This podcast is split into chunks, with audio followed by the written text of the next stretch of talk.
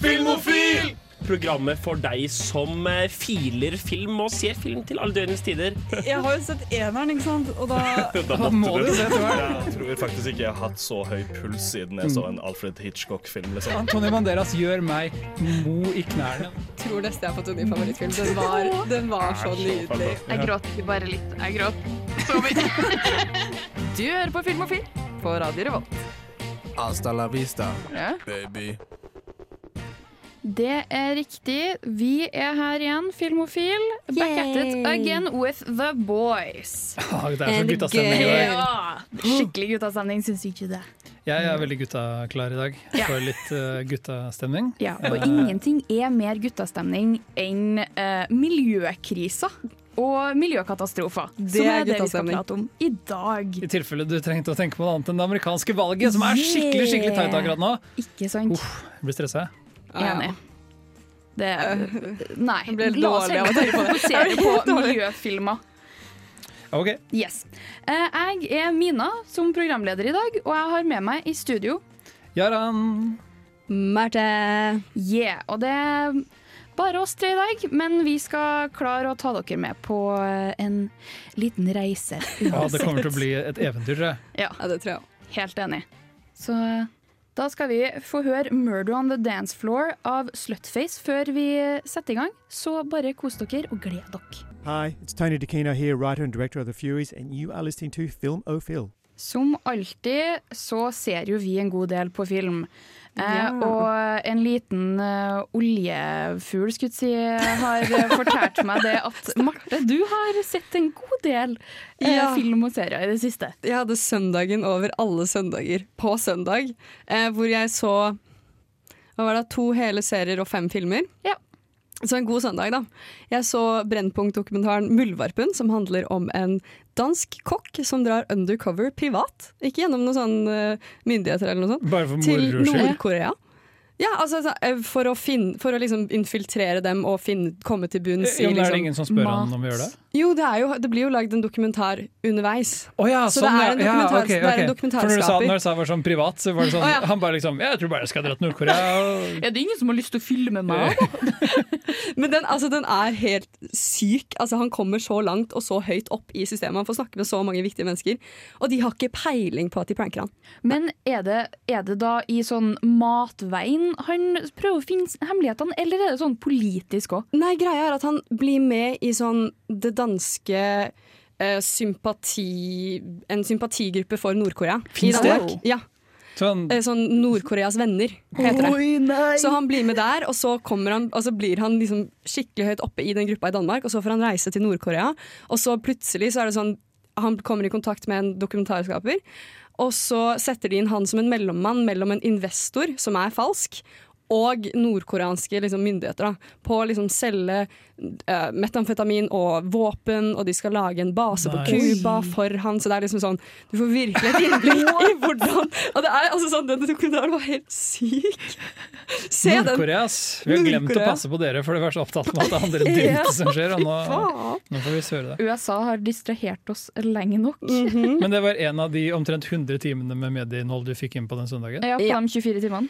Og så ser jeg Hotel Transylvania 1 og 2. Helt Den vant, eh, altså, så bra. de har gått meg helt hus forbi, men de var jo faktisk kjempemorsomme. Jeg, synes, de jeg koste meg med de. Jeg Jeg, jeg har ikke meg. sett dem, men jeg får sånn fnatt av Sony Animations-logoen. Fordi jeg vet at noen en eller annen sånn kjent voice actor som er med i den filmen, typ, det er vel Adam Sander der, Ja. noen kommer til å rappe eller fremføre en popsang i løpet av filmen. Og da er gjør jeg sånn, det et par ganger!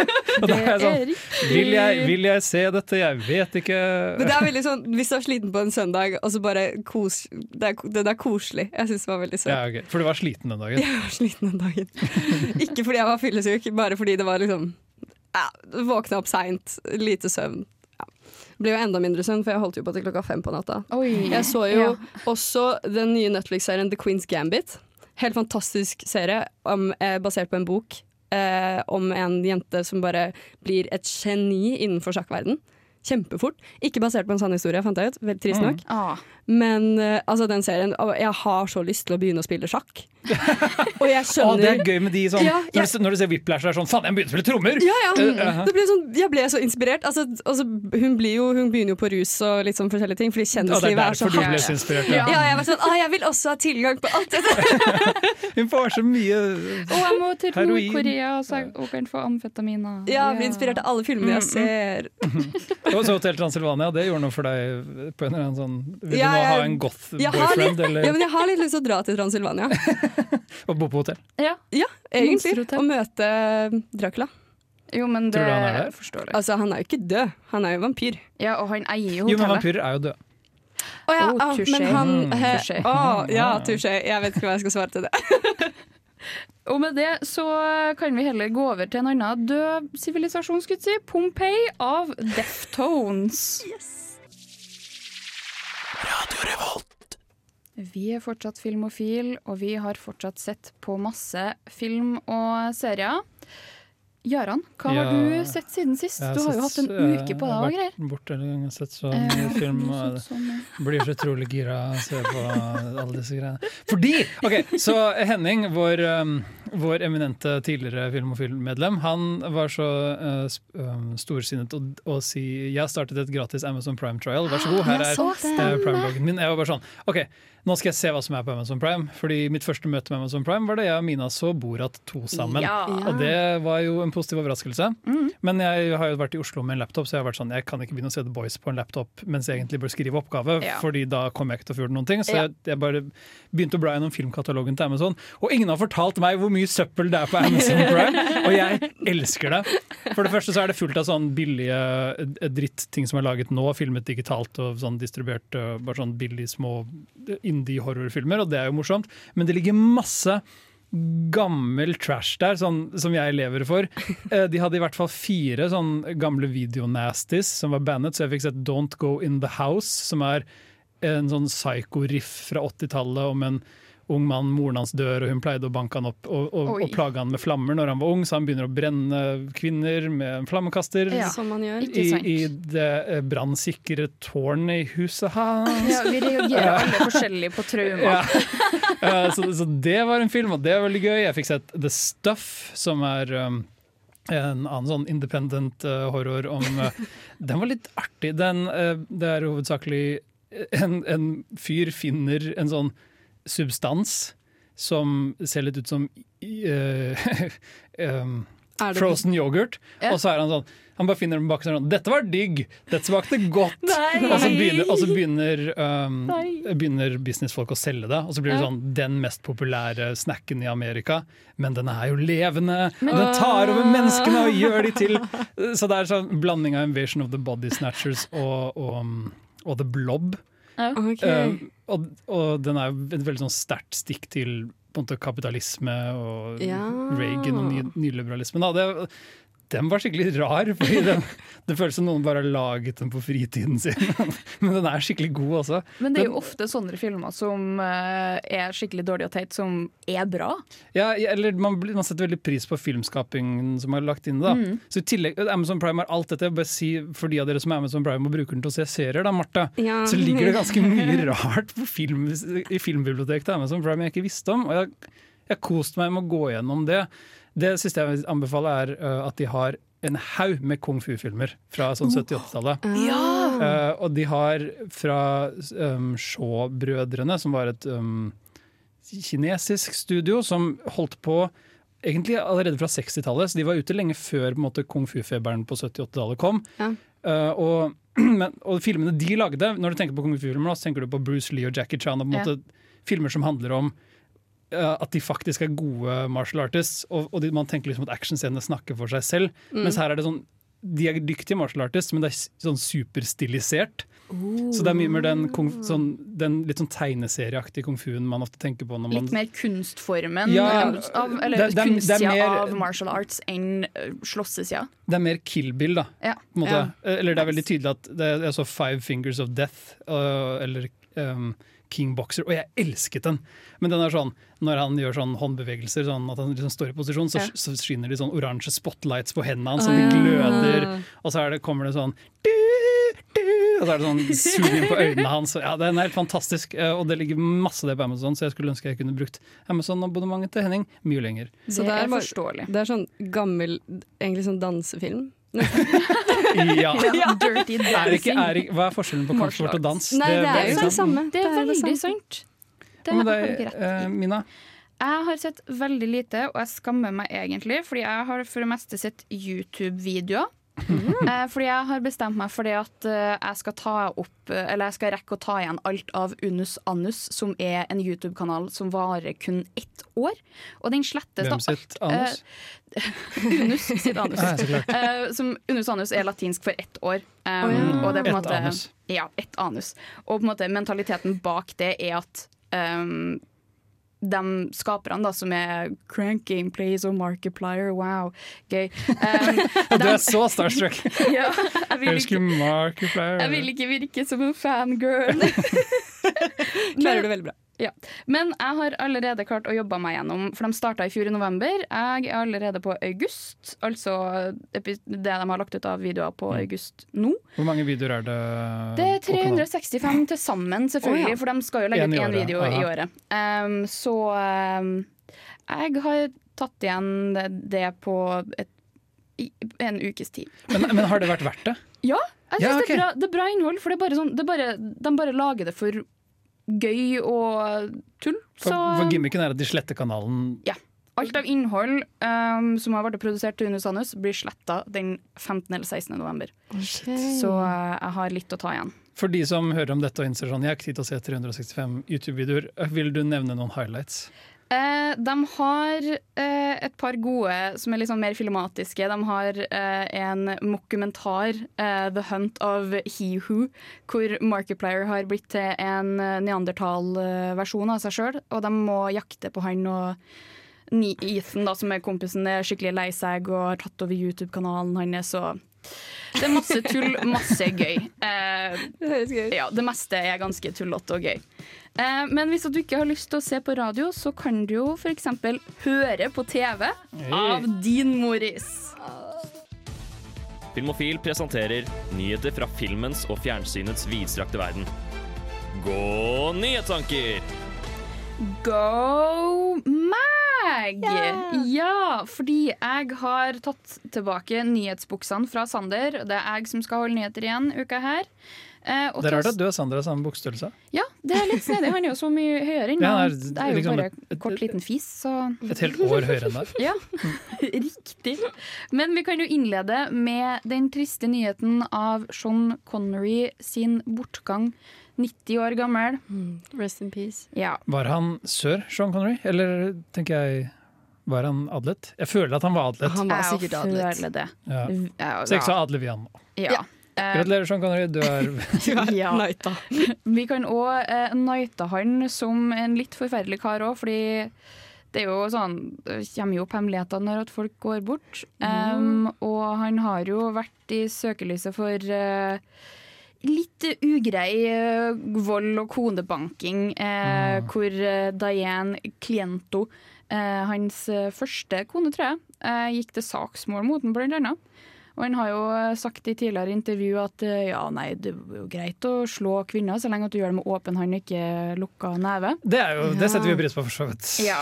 Men Eh, er ikke, når du slår med knyttneven, så skader du deg selv nesten mer enn du skader motparten. jo, hvis fordi du ikke gjør knuser det på, hvis du ikke gjør det på rett måte, ja. Det, kommer, det kommer an på hvordan du slår. Fordi Ja. eh, Kanskje han ikke visste hvordan man slår, så han Ja. slo feil hele tiden. Så knuste han beina James. Bond visste hvordan man slo en kvinne! Hvordan våger du?! Nei. Sant, sant. Men når vi, når vi snakker om det, da, fordi det, det, er, sånn, det er sånn som den John Lennon-greia. folk Sånn, jeg syns John Lennon var en veldig dyktig musiker, så kommer det en fyr krypende bak deg sånn Visste du at John Lennon slo kona si? Sånn, Ja. er, det lov, er det lov å sette pris på arbeidene til Sean Connery? Han har jo tross alt Uh, Han var jo James Bond, og det er på en måte veldig ikonisk. Ja, Men han gikk jo også i den tangaen i den filmen med jeg ikke husker navnet på. Den med hestehale og, og truse. Ja. Men det skal jo òg sies det at Sean Connery har hatt en ganske fantastisk oppstart da, til karrieren sin. Han eh, gikk ut fra skolen i en alder av 13 for å bli eh, sånn eh, kistepolerer og sementmikser og sånn, for det var jo en annen tid. Han var Eh, en sånn blue collar guy, liksom. Ja, før han eh, ble med i militæret, kom ut av militæret, og så fikk han rollen som James Bond. Er eh, en arbeiderklasser skott. Han hadde vel et par Han, han hadde vært i en sånn Disney-film før han fikk James Bond-rollen, vet jeg. Som heter Ja, sånn ja. James McGill and The Little People, eller et eller annet sånt. En skikkelig rar sånn Disney-musikal fra, fra sånn 60-tallet. Ja. Eller Jimmy McGill, Jeg husker ikke hva han heter. Nei. Nei, kanskje jeg bare tenker på Jimmy. Fordi, ja, men poenget er, han, han hadde altså hatt sånn et par skuespillerroller før James Bond, tror jeg. ja, Men det er jo fortsatt det som måte, han er kjent for. da Ja, det er ingen som husker den Disney-filmen. Nei. Eh, men det skal jo også sies at eh, han visstnok uh, i et intervju i 20, 26 eh, har sagt det at uh, han angrer seg for på en måte, konebanking og sånn. Det er viktig å huske på at alle stjerner er folk, de, og uansett hvor dumme ting de gjør. Han kjørte i hvert fall ikke inn Chris Brown, da. Så har vi mer eh, Tenker vi følger tråden med litt sånn uh, vold. Mm. Ja. Uh, John Boyega, vår alles uh, kjære mm, nyvåkne aktivist i uh, Hollywood, han har nå gått ut til um, studioene. Og, Han banket folk. Ja, han banket dem! Nei, han har gått ut og Jeg vet ikke om jeg skal si trygla, men han har bedt dem om å støtte sine skuespillere. Uansett om at det er for rasisme, um, sexisme eller online hets.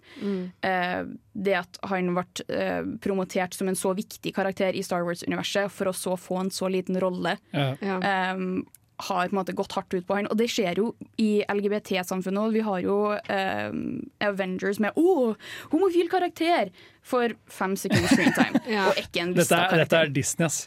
Ja. Kan jeg bare calle at eh, John Boyega er det beste som vi fikk ut av de Star Wars-filmene? Star Ja, Wars-filmene? det er Fordi helt enig. Helt jeg, riktig. jeg har ikke sett ham i så mange filmer engang, men det er bare sånn, jeg liker fyren. Ja. Ja, og han, han har sagt et par sånne småsnedige ting. Eh, men som sagt, alle er mennesker og kan si Ting kan glippe. Han har fått hets for at han har sagt et par ugreie ting, Ja. som han igjen har gått tilbake på og sagt at vet du hva, det var en ugrei reaksjon fra meg. Og det, det er lov. Så Ja. lenge man på en måte i ettertid tar tilbake det man sier. Helt enig. Vi skal uansett høre på Strange Spaces, Strange Spaces of Public Transportation før Husk vi å bruke videre. maske. Ja! For et program i burra med både klasse og stil. Du hører på Filmofil. Og vi har mer nyheter til deg. Vi har jo snakka litt om Borat 2 eh, forrige uke. Very nice. Yeah, very nice, very nice. I have a pain in my titties. Yeah. Og overraskende nok så har den skapt kontrovers. Man tror hvorfor det. Ja, og vi snakker, eller jeg snakker faktisk ikke om eh, Rudy Giuliani Ja. i øyeblikket. Det er ikke det jeg skal snakke om i dag. Nei, jeg skal snakke om promoplakaten. Eller Den- filmplakaten. Den som er overalt nå. Den hvor Den han med er maske på skrittet? Istedenfor speedoen, så er det en maske, og så er det en maske på hodet. Ja, fordi eh, i Frankrike så har den her vekt øh, oppsikt, skulle jeg si. Kom igjen, Frankrike. Dere, har sånn, dere er midt i enda en sånn blasfemisak. Akkurat nå. Kan dere ikke, skal dere prate om Borat-plakaten? Men her er greia. Voks opp, da! Her er greia. Borat har på seg en ring som det står Allah på arabisk. Og det har eh, vekt litt stor ståhei blant eh, den muslimske franske populasjonen. Um, og det er, jo, det er jo litt forståelig med tanke på hvordan situasjonen er i Frankrike akkurat nå. Men, men er den ringen uh, Den er ikke så veldig synlig. Jeg Ja, liksom, forsto ikke helt hva de snakka om. kan, er, jeg vet ikke nok, Har muslimer ikke lov å gå med en ring som det står Allah på? Jeg har ikke peiling. Jeg tror det bare er rett og slett det at uh, Sasha uh, Baron Cohen bla, bla, har en veldig, på en måte, Han er en Han er en ertekrok. Ja, og så er han en veldig sånn karak... karak Karikatur. ja, av en karakter. Um, og det er ikke helt det rette øyeblikket å tulle med det. I hvert fall ikke i Frankrike som det, I er. det politiske klimaet i Frankrike. Velkommen til den nye utgaven av Filmofil, der vi Ja. prater, om, uh, prater om politikk. Men ja, det, det er litt betent nå, det. Så det skjønner jeg jo. Ja. Over til noe annet. Ikke betent, men tent. Ha-ha-ha! Zac Efron. Nå blir jeg tent i hvert fall. Ikke sant? Nice. Han eh, kommer eh, med ny film. Ikke han som lager den, men han eh, starer da i en ny eh, australsk film. Australsk, som- faktisk. Ja, Oi. Det er en eh, sånn survival thriller. Eller thriller, oh, eh, som heter for Gold. Eh, den kommer mest sannsynlig ikke til å eh, handle om eh, koronagreier. Den kommer eh, til å handle om eh, to som Det høres ut som det skal handle om gull på et eller annet vis. Ja! Mm. For det var akkurat det jeg skulle til å si. Det er to som kommer over en gullklump og eh, Kommer over deg! Ja, over det er gullklump. Jeg er gullklumpen. Åh, Zac Efron finner meg. Hit me up, Zack. Ja. Mhm. Eh, videre så har vi jo, kan vi gå over til korona. Eh, Olivia Wilde eh, har jo, er jo i full gang med produksjon, produksjon av sin nye film eh, 'Don't Worry Darling', hvor eh, stjerner som Florence Pugh, Harry Styles og Chris Pine starer. Damn. Ja, men problemet, problemet, gutta, det er det at det har blitt et koronasmittetilfelle innad i produksjonen. Nei. Ja. Vi spiller 'Hvilken kjendis har korona?' Ja. De vil ikke oppgi om at det er en eh, skuespiller eller om at det er et crew som har blitt smitta, men produksjonen må i hvert fall stoppe. Men som vi har sett med større produksjoner som Jurassic Park og sånn, det kommer til å starte opp igjen når at eh, karantenen er over. Og Hollywood har, på en måte, de har satt veldig strenge krav til at karantene skal opprettholdes. Ja, det, den, det jeg føler nesten er storyen her, er at det er imponerende at de klarer å fortsette å lage film. Ja, ikke sant? Ja, egentlig. Helt enig. Og vi går videre til kritikk av film produsert. Fordi vi alle vet jo av Roald Dahls 'Kjære heksene'. Ja. Eh, og det har dukka opp kritikk av den. Eh, ikke fordi at eh, kvinner blir portrettert som hårløse hekser som hater barn, men fordi at måten eh, Warner Bros har valgt å presentere de her heksene sine hender på, minner om en faktisk eh, mutasjon som mennesker kan leve med. Mm. Ja. Um, Hva, hva, jeg har ikke sett traileren til den nye, det er, men Anne Hathaway har hovedrollen. Ja. og hun har sånn, sånn ansiktsarr på en eller annen måte, som jeg syns får litt kule ut. Ja. Og hun har en stor fancy hatt. Jeg har bare sett plakaten og var sånn OK, det, det designet kan jeg like for denne filmen, liksom. Ja, Men hva, hva har de gjort med hendene? Det de kaller det, da, det er split hand, eh, som minner veldig mye om Paralympian eh, og Nei, vent, tulla. Jeg vet ikke hva dette er. Det, det er i hvert fall Hvordan ser det ut? Skal vi se. Jeg hadde det her i Split hand, Er det hånda til James McAvoy i hitfilmen Split fra sånn 2011? Ja, eh, det, er, det er en sånn trefingra hånd. Um, Ja, ja, ok. Og uh, condition heter ektrodact. Når du gjør sånn, sånn Spock-hilsen fra Star Ja, Trek. sånn kind of. long and Sånn, nå skal man kanskje ikke si det fordi det allerede er kontrovers, men sånn alien Mm, jo, men det er, Ja, det er der man har sett det det er vanligvis, Ja. at aliens har sånn Ja, da jeg Tre- sier det veldig ja. forsiktig fordi det Ja, fordi at I Roald Dahl sine bøker så er ikke hengeren til heksene presentert sånn. De har Ah, sagt de at de har- har, klør istedenfor negler. Ja, oh, at fingrene er eh, sånn extended claws, som er noe Warner Brothers kunne faktisk ha gjort istedenfor å den blemma der. Ja. Men det blir spennende å se uansett hva filmen blir. på en måte Dette, er- de, de var sikkert ikke ute etter å såre noen. Nei, men det er jo sånn Man ender alltid opp med det. Ja. Eh, og filmselskap er ikke alltid like flinke til å tenke seg om. Nei. Og folk Ja. er også bare ute etter å ta de, føler jeg hele tiden. Sånn, det, Ja. man, det er alltid noen som er sånn hva det er, det, er, så mange publikummere der ute som kan bli støtt. da Ja, det er sant. Og det er derfor det er viktig å høre på de spesifikke eh, gruppene som blir angrepet. Vi skal høre 'Hear Me Out' av Pixies. Og mitt navn er Martin The Lepperød. Du hører på Radio Revolt. Det er riktig, du hører på Radio Revolt, og ditt navn, Marte, det Ja. er Marte. Ja. Og du har vært og sett film, nærmere sagt, eller eh, mer nøyaktig sagt, dokumentaren 'Greta'. Ja. Og anmeldt den. Yes, det har jeg. Jeg har vært på nå og sett uh, I Am Greta, som heter på originalspråket. Greta, som heter på på originalspråket. Det er svensk regissør og svensk Yogi Ja. Greta heter den. Ja. Greta! Ja, Ja. Da skal dere høre min anmeldelse av det. People always tell us that young people are going to save the world. But there is simply not enough time to wait. The fallout from climate change. The impacts could be catastrophic. All of this with the global warming, it's a hoax. It is the most pressing issue of our time. I Am Greta er en dokumentarfilm om den unge klimaaktivisten Greta Thunberg, som aktiviserte millioner av unge over hele verden til å demonstrere og streike for bedre håndtering av klimakrisen. When it came to the climate crisis, I saw my parents were just like everyone else. We weren't doing enough. For many years, people refused to listen to me. Children were very mean. But I don't care about being popular. I care about climate justice. She felt she had to do something, and she had to do it on her own. I dokumentaren lagd av svenske Nathan Grossmann følger vi Greta fra første skolestreik for klima alene utenfor Riksdagshuset i Stockholm, til hun ble Times Person of the Year i 2019. Grossmann har selv uttalt at han trodde det bare skulle bli en tre ukers lang periode med filming, da han først hørte fra en venn om en ung klimaaktivist i Stockholm som protesterte mot klimakrisen. Sånn ble det ikke.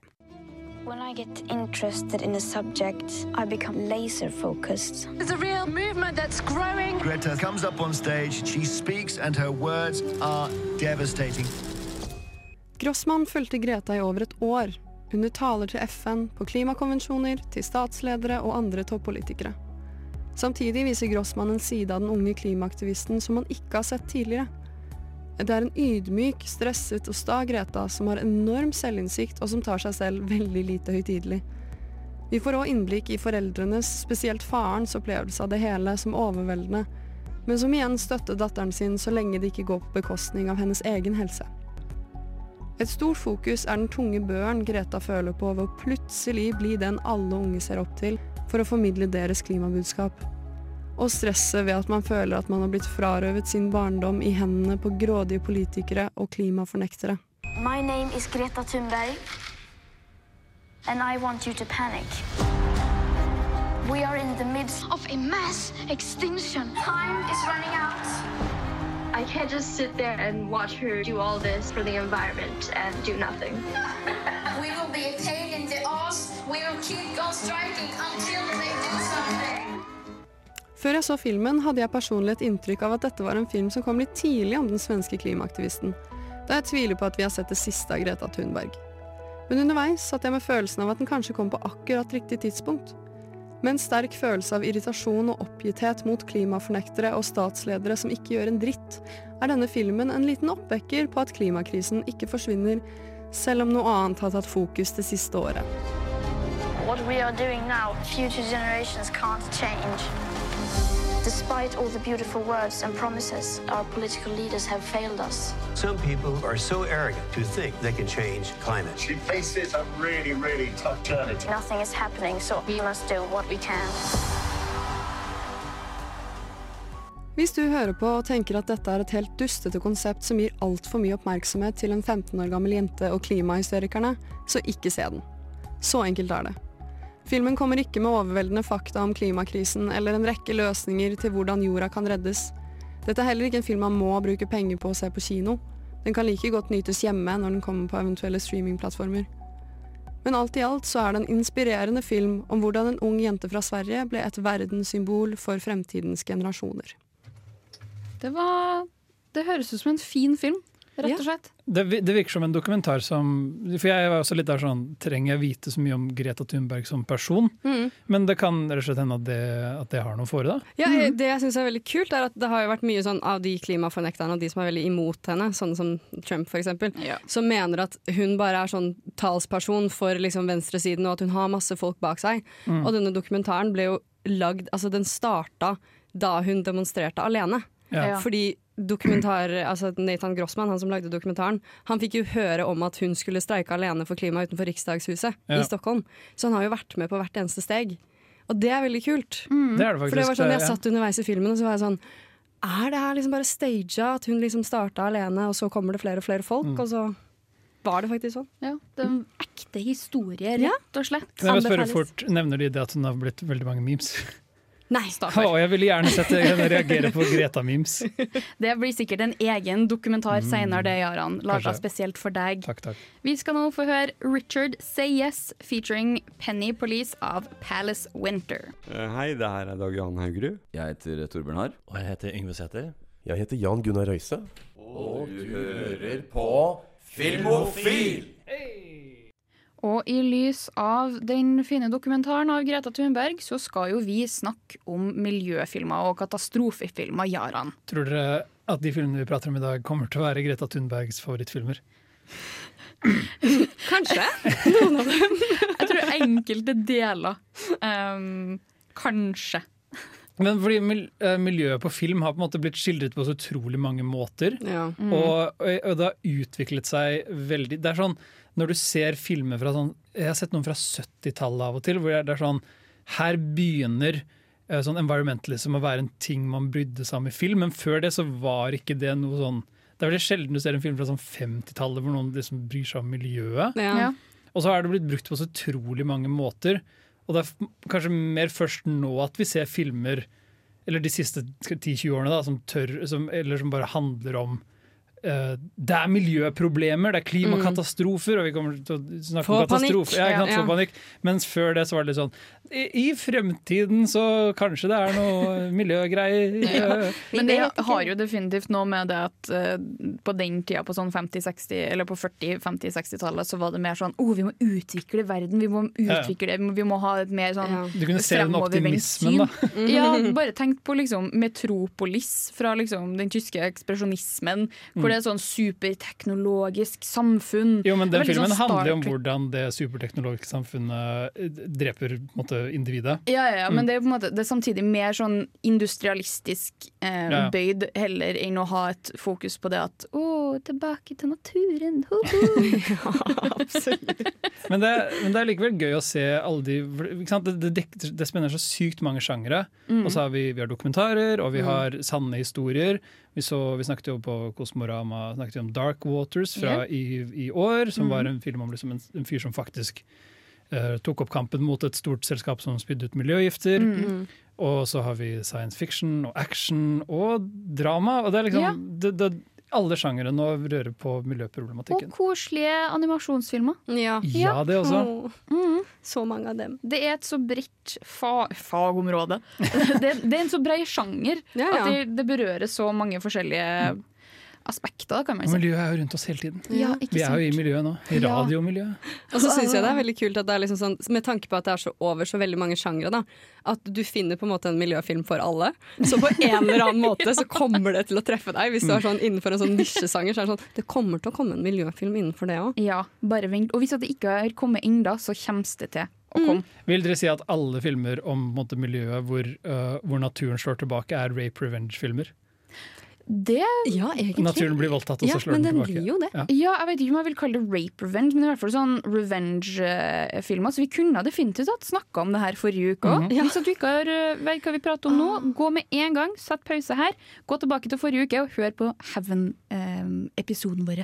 Og tenk Hvis på man- naturen mens du gjør det. Ja, riktig. Um, vi har jo masse til vente for dere i løpet av sendinga, så uh, før vi går videre, så kan vi høre på La meg gå av Luna. Du hører på Radio Revolt, studentradioen i Trondheim.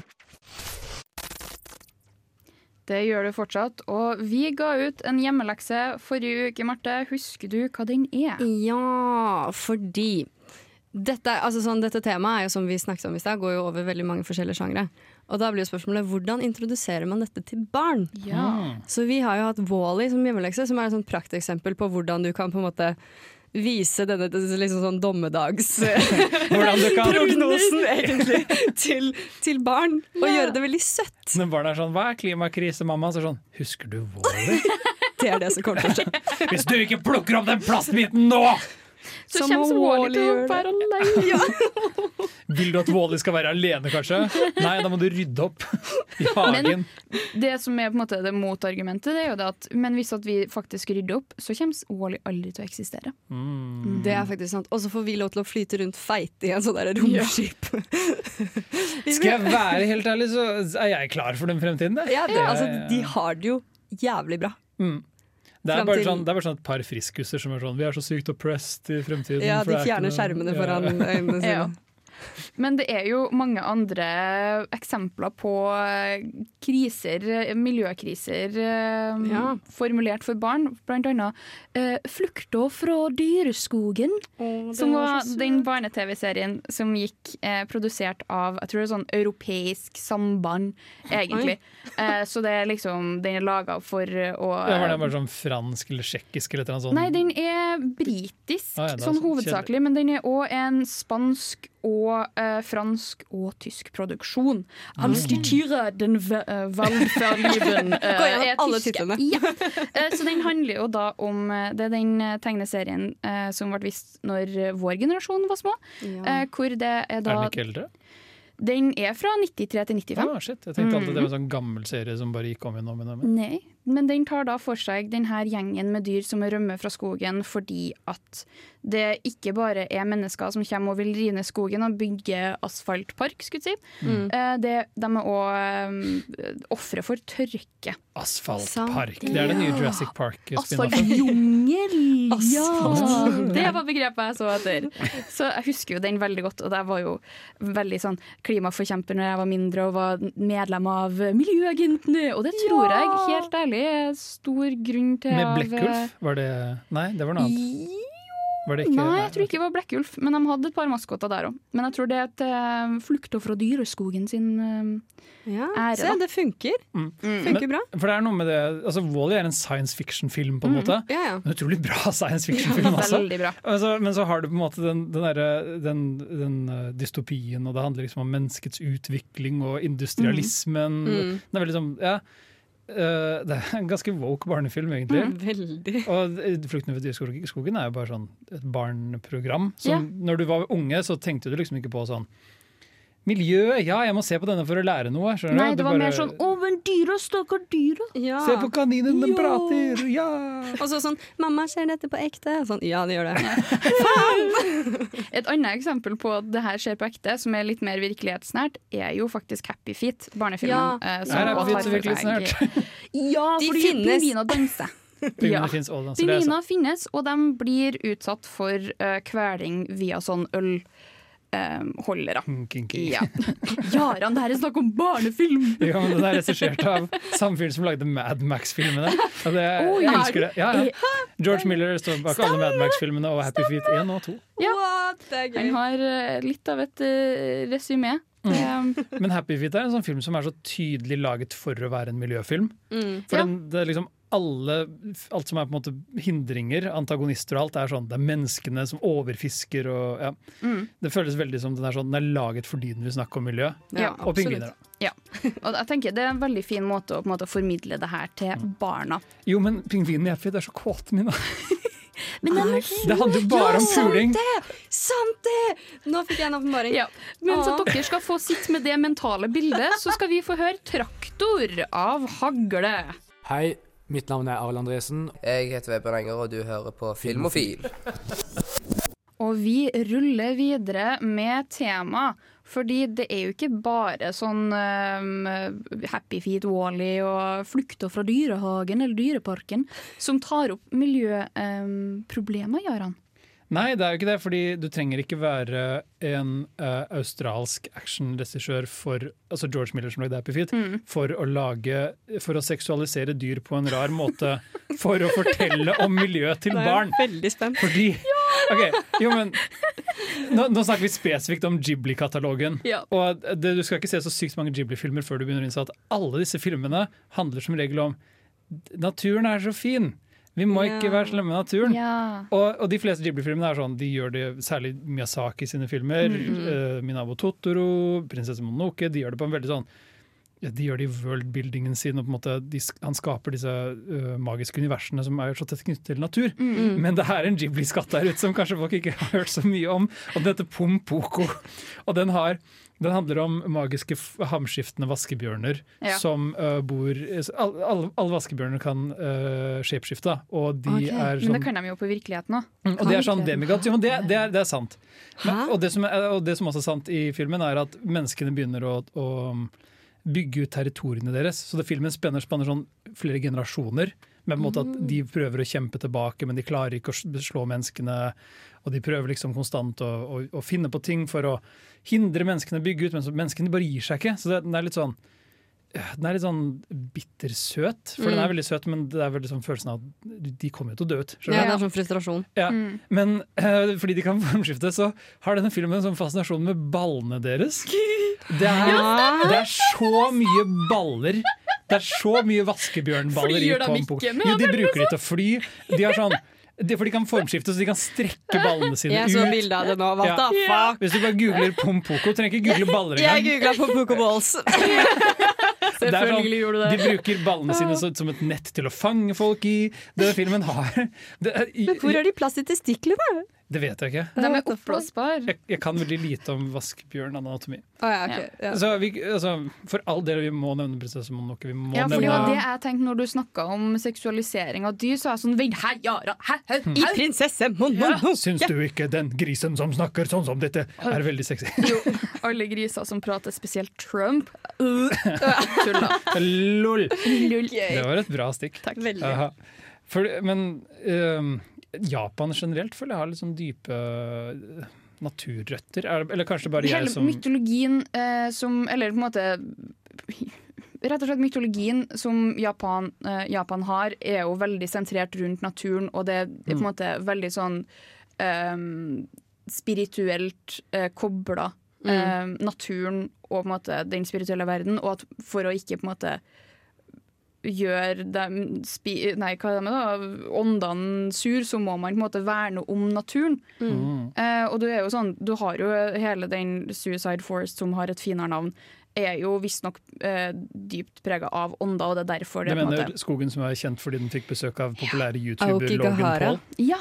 Ja. Ja. I know the name. Oh. Jo, men, men det jeg skulle si det, grunn, Jeg tror også en av grunnene til at det er veldig sånn framtredende i Ghibli-filmene, eh, kan også være at Japan har jo blitt industrialisert sinnssykt fort, og teknologien deres har jo alltid vært veldig sånn fremtredende og veldig på. Ja. Så det kan jo være sånn Nå må vi roe ned, folkens. Nå må faktisk vi Ja. begynne å ta vare på vår sånn, Ja, fordi nå, nå går det for fort. Det, Det går altfor fort. Men Jaran, du sa jo 'Prinsesse Mononoke', så kan du gi oss et kort uh, overblikk over den filmen? Jeg vil bare fort si uh, Pompoko er flott, men Prinsesse Mononoke er et mesterverk. Ja. Den er, uh, Historiefortellingen der er helt sånn fantastisk. Det handler om unge prins Ashitaka, Mm, som blir han beskytter, beskytter landsbyen sin i sånn føydalske fantasy-Japan, Mm. og så blir han forhekset eh, med en forbannelse. Mm. Så han må dra fra landsbyen, for han kan ikke være der, for da kommer forbannelsen til å spre seg. Og så håper håper han å finne en kur mot forbannelsen, men det er litt sånn Det er ikke det viktigste, han bare kommer seg ut. Og på det eventyret så finner han en landsby som uh, er i ferd med å oppstå, som er en industrilandsby. Mm. De har en diger smeltedigel, og de hogger ned skogen og sånn. Yep. Og de er i konflikt med åndene i skogen. Og vanligvis, En vanlig film ville hatt Ashitaka velge en side og slåss for den siden, Mm. men han har som mål å være upartisk og bare mediere. Og det gjør han til en utrolig fascinerende karakter. Og det Mm. gjør at den filmen er så utrolig god på å skildre både menneskets behov for å altså ikke stagnere. Den, like, den har like mye sympati med Lady Eboshi som den har med uh, de på en måte, arkaiske gudene i skogen. Da. Mm. Det er uh, noe av den beste worldbuildingen jeg har sett i en spillefilm. En animasjonsfilm. Og den er veldig fin uh, med sånn mm, mm, natur... Ghibli, Ja, og Ghibli musikken i den filmen, ah, ja. så nydelig med det. Um, men vi kan jo droppe Ghibli nå, eh, og så kan vi høre på Dropp Feet Milas av Derin. Det er riktig, vi er Radio Revolt og Filmofil, eh, og det er jo flere aspekter ved eh, miljøfilmer. Det er ikke bare sånn eh, vakre eventyr som Ghibli skaper, eller barnefilmer. Vi har jo òg storfilmer. Star Wars! blir-! Ja, fordi Star Wars er jo en miljøfilm, Jaran. Det er i hvert fall veldig dårlig miljø Ja. innad, innad uh, ar arbeidsmiljø i uh, imperiet. Jeg vet ikke hva jeg skal Nei, det var en spøk. Vi skal prate om bl.a. Avatar, for Ja. Altså uh, ikke den siste luftbøyeren, men storfilmen. Den blå avataren. Men Mina, Er ikke det også en Altså Avatar, The Last Airbender, kunne vi ha prata om, fordi det skjer en stor industrialis industrialisering der òg. Men det er ikke like problematisk. Som Men, i for jeg forstår Avatar. ikke hvordan James Camerons 2009-film 'Avatar', som er en av de mest innbringende filmene noensinne, er en film som handler om miljø. Forklar dette for meg. Jaran, nå skal du få høre. Avatar handler jo om en gruppe mennesker som eh, er på jakt etter en viss type metall som skal hjelpe dem. Og liksom det, skal være, det er på en måte platon... platon, platon. Er dette metallet så sjeldent at man må kalle det unobtainium for å illustrere hvor utrolig vanskelig det er å få tak i? Det er helt riktig, Jaran. Det er som om at du leser tankene mine, og det viser seg James Cameron er et geni! Han er et geni! Men det viser seg det at på planeten her hvor The Navi, altså det blå eh, populasjonen bor, Mm. eh, så er det store mengder, og da spesielt under deres hellige tre. Eh, så derfor så er det en forskergruppe som blir sendt ut til å undersøke denne gruppa for å finne ut måte, hvordan de skal få utgravert det her. og på en måte de vil ha metallet eh, koste hva det enn måtte koste, og det ender selvfølgelig opp med at eh, den hvite mann angriper, mens at vår helt, eh, også hvit mann, eh, sympatiserer med The Navi og forelsker seg, og vil prøve å redde denne Mhm. eh, befolkninga. Ja. Ja. Det er en del ting på spill eller sånn, i, som spiller seg ut i Avatar som er litt sånn For det første så har de bygd en sånn superimponerende 3D-rendret Mhm. verden, i hvert fall når Mm. den kom ut, som er det alle husker fra den, Ja. som måte er lagd for å være sånn utrolig levende og fargerik. og bare sånn Sånn at når de her menneskemaskinene kommer og pløyer ned den skogen, de store metallbeisene, så skal du bare være sånn Å nei! Ja, ikke sant? Ja. Og så, og og, men i tillegg det er på en måte miljøaspektet ved det. Som Mhm. sier, det er uh, Pocahontas-historien med Ja. nybyggeren. mannen kommer og skal rive ned din verden. Men jeg har alltid vært fascinert av Sam Worthington-karakteren som uh, sitter i rullestol, og hvordan på en måte, han på en måte blir sånn transhumanist, eller trans... Ja. trans uh, um, Han- han, han, Trans, trans, Ja. over til et annet på en måte, form for being, da. Ja, han går på en Ja. måte fra å være uh, disabled til å være Navi. Ja, Som som, er sånn- veldig fully able folkeslag. Ja, Ja. det, det, det, jeg, jeg skjønner ikke helt om, om James Cameron prøver å si noe der, eller hva han ønsker å si. Jeg- Ja, ja. Ja. Det kan vi ikke Nei, inn på. det er jo selvfølgelig litt problematisk. En annen film som eh, tar på tar La oss gå videre. Ja, oss videre. Vi ikke prate mer om det. Eh, vi kan jo òg snakke om Okja, som er den nye Eller ny og ny. Den var ny for 2014 tror jeg den Ja. kom. Bong Joon-ho gjorde den for Netflix. Ja. så den fikk jo sånn world, en internasjonal premiere sam, omtrent samtidig. Ja, hvor det handler om eh, supergriser som har blitt biologisk eh, De er ikke kapper og kan ikke fly, selv om de er supre. Nei, eh, men de er supre, søte, supersøte. Ja, jeg har sett bilder, jeg har og kjempestore, og skal være uh, en stor matkilde. Da. Mm. Uh, og så viser det seg at det her er ikke like etisk som det burde være, som man vet i matindustrien og kjøttindustrien. Okja og Avatar er egentlig interessante sånn hvordan du lager en miljønarrativ. Hvis du Mm. setter de to opp mot hverandre. Fordi Avatar er skikkelig platt, mm. men utrolig tight skriptet. Ja. Alt der er sånn vi setter opp, og så payer vi av. Vi setter opp, og så payer vi av. Mens Okja er bare litt sånn wow, da, vi har veldig mye ting vi gjerne skulle ha sagt, og vi må få inn alt på en gang. Så vi har økoterrorister, og vi har, eh, vi har et sånn sibling-rivaleri mellom Tilda Swinton og Tilda Ja. Swinton. Fordi hun har en identisk oh. tvilling. Ja, Ja. og det var sånn, å, men vi må også få inn den historien om den lille jenta som drar til Amerika, hvorfor Amerika er ond. Men jeg føler at de får det til veldig bra. Da. Ja, men den er bare sånn Det er veldig mye som skjer, men det føles ikke kaotisk ut. I mine øyne, i hvert fall. Men det er en jente som blir venn med en gris, er det ikke Ja, det? hun, hun oppfostrer den her Ja. grisen. Jeg da. syns Okja er et elskbart rot. Og jeg, jeg synes det er helt fantastisk. Og den siste biten er en holocaust-parallell som er helt sånn Mhm. «Wow». Det er den med masse, se. masse som foregår. Veldig fin film. Du skal nå få høre Radio Silence av Heave Blood and Die før vi går videre. Hei, jeg er eh, Agnes Kittelsen, Og jeg er Aksel Henning, og det er viktig at eh, dere hører på Filmofil. filmofil. Og jeg er Jaran, og du har nettopp hørt på Gi meg litt fred av Brenn. Nei, det var bare en spøk. Jeg er fortsatt Mina, men du Jeg er Mina. Og nå skal vi ha én, to, to, topp tre! Ja, for Mina, du har jo eh, ordna en topp tre-liste for oss i dag. Det har jeg. det, det er faktisk helt rett, det har jeg. og eh, fordi det er jo en greie med miljøfilm som er fokus på dyr, så er det jo veldig sånn ofte at det er søte små dyr som er i fokus. Du har pingviner, du har supergriser, og du har Okja er ikke liten, da, men Nei, men de, det er jo en søt gris. Og, og så minigris er jo veldig søt. Og søt, søt maskin. Ja. ballene i Pompoko. ja. Det er sånn, poenget er i hvert fall at det er veldig ofte sånn fokus på eh, pingviner, små fisker, kar korallrevene deres forsvinner. Du har dem, jeg tenkte i tukanfuglen, den derre lundefuglen. Blant annet alltid i fokus. Så eh, da er min topp tre-liste for dagen eh, topp tre mest oversette dyr i miljøkrisa og miljøkrisa portrettert på film. Det er så spenstig. Hva, okay. hva, hva, hva er plasseringa? På tredjeplass så har vi da hvalrossen. Jeg skulle akkurat si det. Har du sett hvalrossen i Our Planet? De som dør?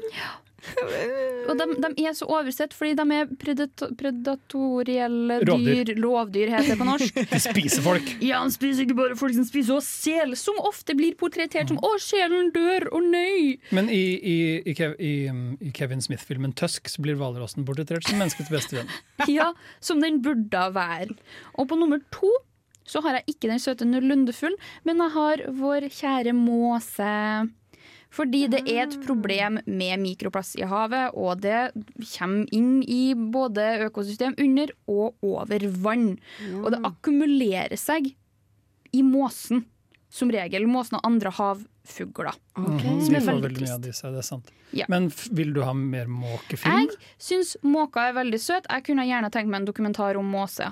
måser. Vi hadde med- måsefamilie på taket vårt som vi mata til våre naboers store eller forferdelse. Men det er en annen sak. Hva med måkene i Nemo? Det føler jeg er ganske bra måkerepresentasjon. Ja, det er det. Ja, Det er veldig sant. Min, min, min. Mhm. Ja, det er kanskje det de sier. Jeg tror de sier begge deler. Ja. Men så kommer vi til plass nummer én.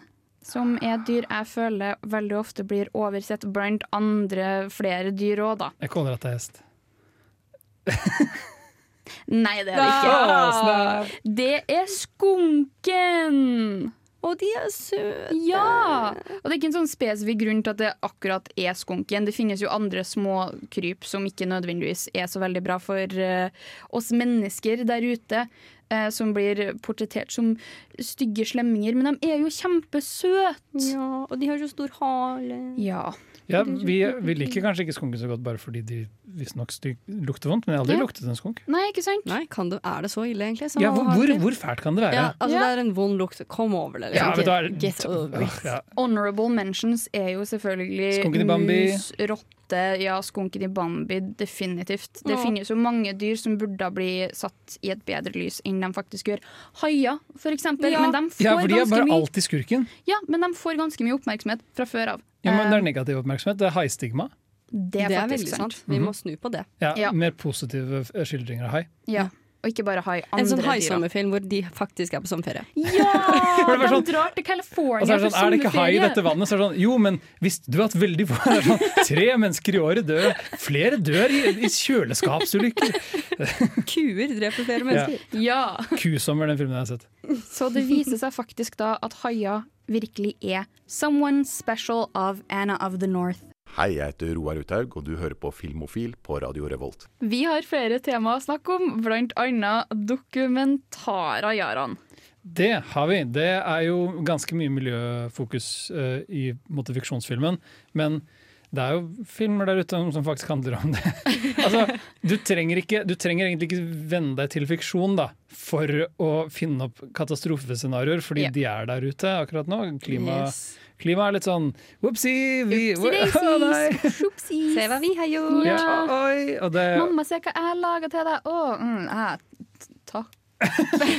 Min ris, i eisen. Så det, og det er på en måte noe av, av tingene her at øh, det er veldig viktig å spre bevissthet rundt det, og det gjør man enten ved å starte en protest, eller så kan man slenge ut en liten dokumentarfilm. Mm. Og jeg, jeg føler på en måte den bølgen med, for det er veldig mye sånn klima- og, og, og dyre naturdokumentarer nå. Jeg føler den begynte litt med Al Gore sin en Inconvenient Truth. Mm, Den, ja. den vant en Oscar, eller var nominert for en Oscar. Ja. og var sånn, har du alle måttet se Den kom i sånn 2006 2006, har jeg lyst til å si, men sikkert tidligere. Eller kanskje Ja. senere, kanskje 2008. Jeg vet ikke. Den kom, Ah. eh, kom før 2010, men etter 2000. Uh, Jeg har ikke sett den. 2006. Hvilken vinkling er det den det er egentlig bare Al Gore har laget en skikkelig gjennomført powerpoint-presentasjon om Ja. hvordan miljøgasser fra industri eh, Ok. skader planeten. Ja. Og, og, den, eh, og det var på en måte hans sånn prosjekt, Ja. å snakke om hvordan Amerika måtte skjerpe seg. Og det har de jo virkelig gjort siden da vi er på Åstad. Det har gått Men, skikkelig bra. Problemet er jo ikke bare i USA heller, da, det skal jo sies. Nei. Og det er jo mange eh, dokumentarer som tar for seg både industrien i eh, med mer asiatiske land. wow. Eh, asiatiske land hvor det er miljøgasser og kjemikalier som blir dumpa ut i elver som flyter ut til havet. Det er mennesker som bader og vasker seg og livnærer seg av de her elvene. Mm. Det er jo ikke bare et problem der heller. Du har jo, Themsen har jo vært et problem i lang tid. Ja, men er jo som lagde en dokumentar om Themsen. Folk bare bæsjet i den, og så Ja. var det sånn ah, Det er riktig. Men vi har jo andre dokumentarhelter. David Attenborough. Ja, den søteste mannen på planeten. Ja. Han er så mye søtere enn Al Gore, han. Han Ja. er så Ja. søt! Altså, har, har dere sett den siste filmen han lagde, den derre A Life on Our Planet, som er sånn hans vitnemål til planeten? Altså, han går gjennom liksom Mm. hele sin karriere Mm. som Jeg husker ikke helt. Dyreelsker, Dyre- zoologist Ja, det, det er på en måte hans, hans liv, eller Ja. han, med, med som biolog og forsker og dokumentarskaper. Så Ja. det er hele utviklingen fra liksom Det er egentlig historien om hvordan han har blitt skikkelig bitter. Ja. Fordi han går fra å være sånn 'naturen er fantastisk', Ja, ja. sånn 'vi må slutte å rote så mye med naturen'.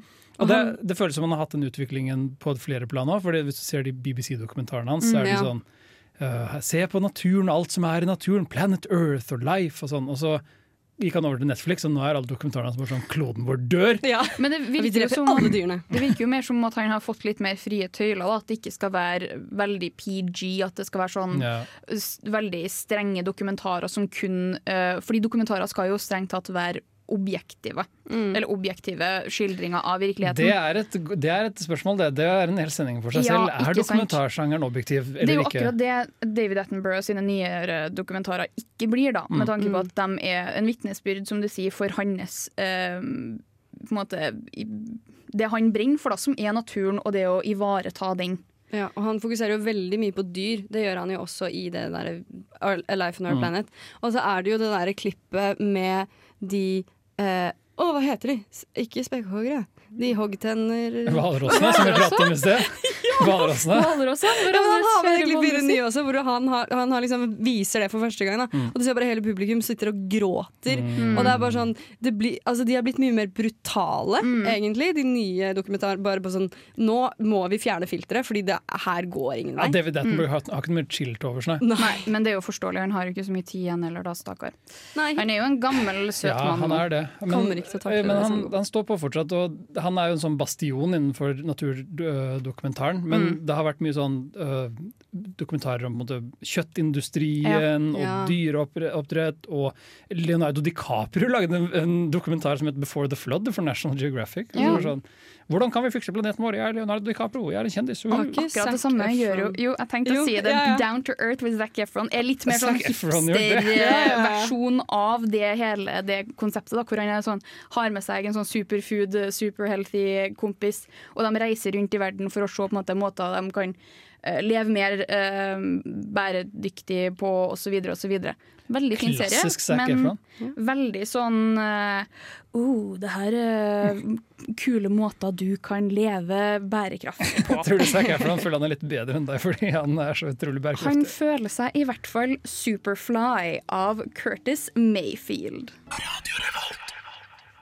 Og det er jo ikke bare dokumentarer som portretterer den katastrofiske tilstanden verden vi lever i nå er i. Nei. Det foregår nemlig også på actionfilm og storfilmer. Unnskyld, er ikke dette dokumentarer? Kommer an på øyet som ser. Mokumentarer? Ja, det er veldig mange av det. Ja, men bølgen skjedde jo. Ja, Kristoffer Joner døde jo. det ikke det? Det har du helt I en rett i. tsunami i Eh, Flekkefjord. ja. Conspiracy. Eh, vi må ha et minutts stillhet for uh, han. Nei. det er sånn, nei, nei, nei, nei. Nei, ikke vær stille!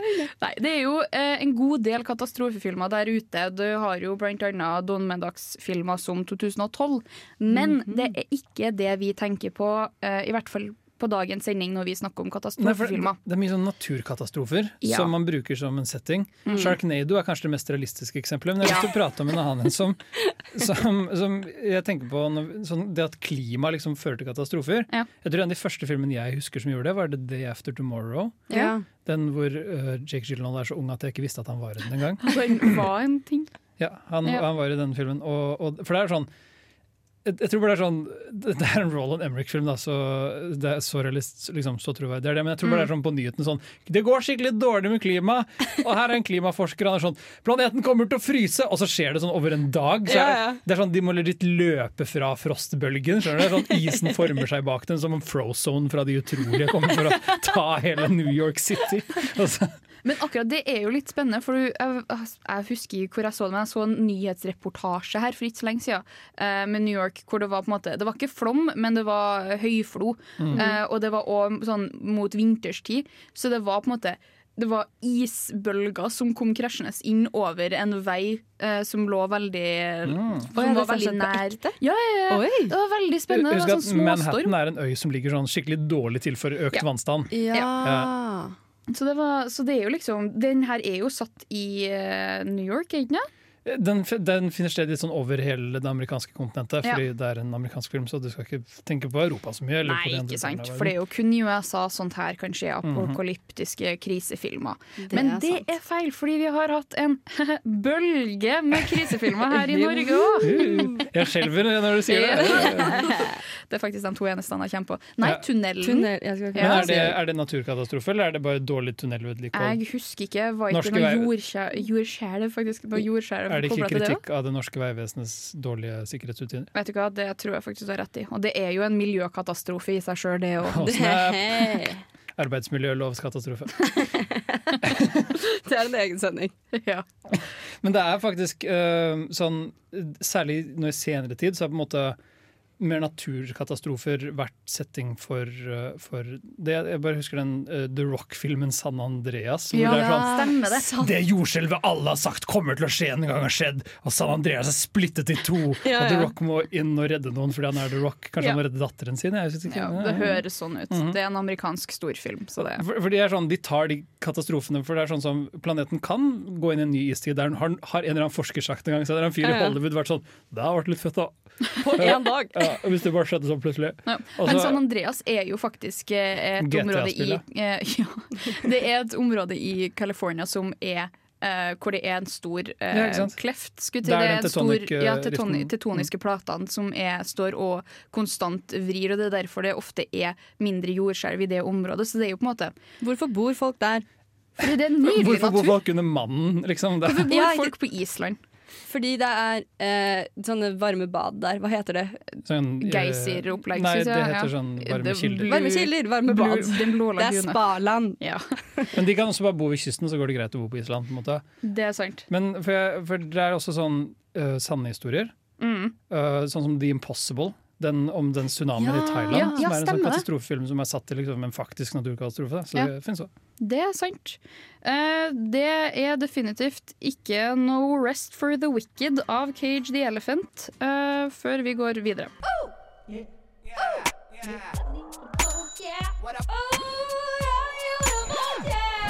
Her kun på Radio Revolt. Det er virkelig god stil å høre på Radio Revolt, og spesielt å høre på Filmofil, som du gjør nå. Men Marte, katastrofefilmer er jo ikke nødvendigvis bare skapt av mennesker som har ødelagt verden. Nei, fordi når vi ødelegger verden, så må vi forvente hevn. Så det har jo blitt lagd noen filmer med enten sånn små stikk av at naturen tar tilbake, eller hele filmer hvor eh, det handler om at eh, nå har vi vært jævlig lenge nok, så nå kan vi dø. Eh, Du har jo for eksempel The Happening, hvor, For nå er vi tilbake i rape revenge-kategorien. ja. hvor, hvor det er vel gresset eller plantene som sender ut sånne Vet ikke hva det norske ordet er. tror egentlig det er trærne Neuro- spesifikt, eller, ja. eller er det bare sånn planter generelt? Plantene sender ut uh, neurosignal. Ja, Ja. Neurotoksiner. Ja, for det er sånn, sånn uh, kjemikalier, liksom. Som, Ja. som selvmordsfermoner. Og det er jo for så vidt planter. Ikke for å være en helt forferdelig stor biolognerd her, men planter sender faktisk ut signaler. Enkelte planter, Det finnes forskjellige måter de gjør det på. Jeg har en kaktus med wifi hjemme. Ikke sant? Men enkelte planter bruker ikke bare wifi, de sender også signaler og feromoner, tror jeg. Mm. Sånn pheromones for å um, Det er for å lure til seg bier og ja, for, sånn, å, ja, pol- både, til mennesker. både det og for Det- det kan å gjemme dine- seg. Skulle til å holde rovdyr og sånt unna. Også gjerne vil at du skal pollinere litt, da. Det kan Ja. hende, det vet jeg ikke. Men det var ikke da tilfellet i The Happening, Marte. Nei, fordi for de sender jo ut disse neurotoksinene som gjør at folk bare plutselig vil får en veldig sterk trang til å ta sitt eget liv. Ja. Eh, og eh, jeg må ærlig talt si at jeg, det er det jeg husker av den filmen. Altså, jeg husker sånn åpningsscenen som er bare sånn en dame som sitter på en benk. Altså greia er at Før de tar livet sitt, så begynner de å gå baklengs. Så det Ah. er liksom sånn hint på at å ja, nå er du Mm. blitt liksom, holdt på å si pollinert. nå har du fått Det er akkurat det som skjedde. You have been pollinated. Ja, men så sitter en dame på en benk og så sitter hun og snakker med venninnen sin, og så kommer det et vindkast, og så plutselig så har hun, hun har en sånn pinne i håret som bare tar ut og stikker i halsen sin. Det er sånn, Jeg var altfor ung da jeg så den filmen, for jeg tror ikke mamma og pappa visste hva den handla om. Men, de spe men greia var at The Happening var jeg husker, For det første er det en M. Night Shyamalan-film. Ja. Som, eh, Så den blir markedsført sånn Hva handler filmen om? For det var liksom Mm. tilbake når han var sånn twistens mester. Ja. Ja. Eller rundt i tiden når han holdt på å miste den tittelen. Ja. Så det var liksom ikke helt tydelig hva det var, men det var sånn Det er en miljøfilm. De prater om biene og Mm. trærne. Så alle var sånn Å, det kommer en miljømisterfilm fra M. Night Shyamalan. Og så er det bare Det som er så sykt med The Happening, er at han var fortsatt ganske stor, men det føles som den bare er slengt sammen på en uke. Mm. Mm. Spesialeffekten og, Og så er sånn, og Mark hva- Wahlberg, alt den filmen er bare sånn.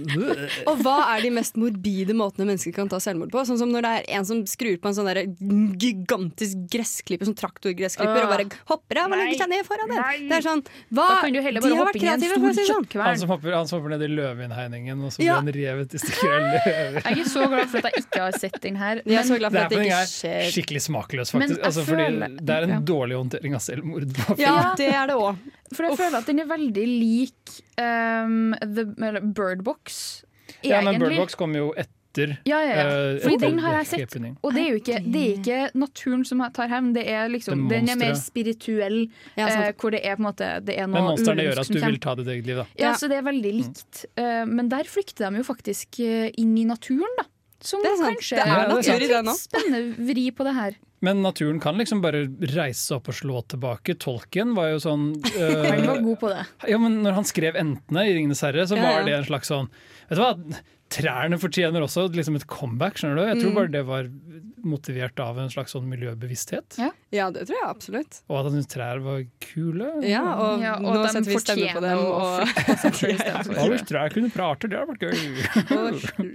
Men- Men det er jo ikke bare Tolkien som har eh, voldelige trær. Det er jo JK Rowling eh, skrev jo et så fint tre som eh, slår etter alt av Gir det, forbipasserende. gir det pryl?